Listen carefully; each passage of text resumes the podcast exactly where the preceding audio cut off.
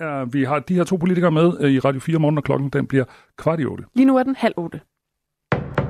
Nu er der nyheder på Radio 4. Alexei Navalny's stab opfordrer alle, der har kunnet se en mening med den afdøde oppositionspolitikers arbejde til at dukke op til hans begravelse i dag i Moskva. Samtidig ventes russisk politi at være markant til stede. Flere frygter, at støtterne slet ikke vil blive tilladt adgang.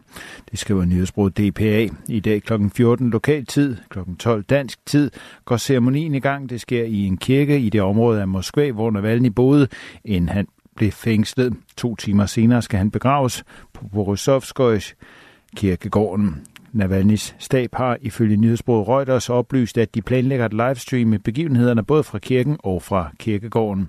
Det flugter dog langt fra med de russiske myndigheders ønsker. Det har blandt andet lyttet, at Navalny's mor af myndighederne bestillet et ultimatum vedrørende begravelsen.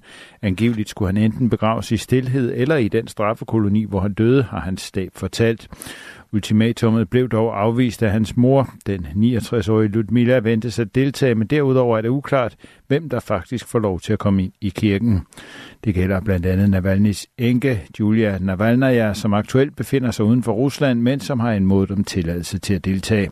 Navalnaya har blandt andet markeret sig ved at sige, at hun vil videreføre sin mands politiske kamp efter hans død. Hun har også med, meddelt, at hun mener, at Navalny blev udsat for tortur, på præsident Vladimir Putins ordre.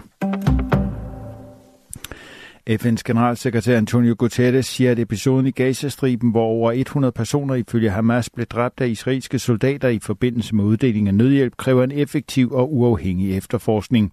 Det siger han i en tale i St. Vincent og Granadinerne, skriver nyhedsbruget Reuters. Her taler han forud for et regionalt topmøde. Guterres er chokeret over episoden, lyder det blandt andet.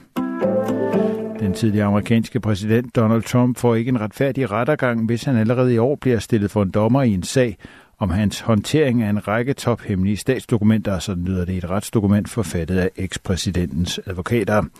I dokumentet lyder det direkte, at det ikke er i overensstemmelse med den amerikanske forfatning, hvis retssagen går i gang i år. Der henvises til sydenland til, at sagen vil påvirke Trumps chancer for at føre valgkamp frem mod præsidentvalget den 5. november.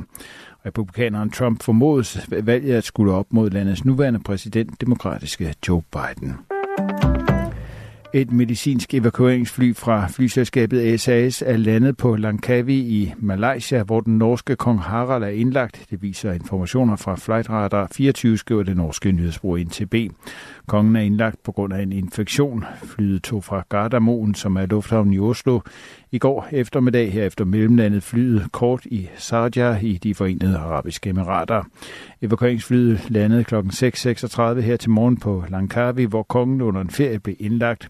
Han skal ifølge NTB fragtes hjem til Norge med fly. Det norske forsvar ønsker dog af sikkerhedsmæssige årsager ikke at bekræfte, at kongen skal med det omtalte SAS-fly.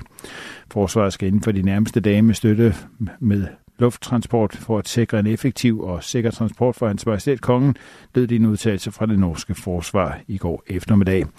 Det norske kongehus oplyste samme dag, at kong Harald kunne rejse hjem med fly om nogle dage. Her lød det, at landets regering tilrettelægger hjemtransporten, mens landets forsvar står for den praktiske del af tilrettelæggelsen. Mod vest skyde og mest tørt vejr, ellers mod øst lidt eller nogen sol, men der kan stedvis også være dis og tåge. Temperaturer mellem 5 og 10 grader. Det her er Radio 4 morgen. Husk, at du kan sende os en sms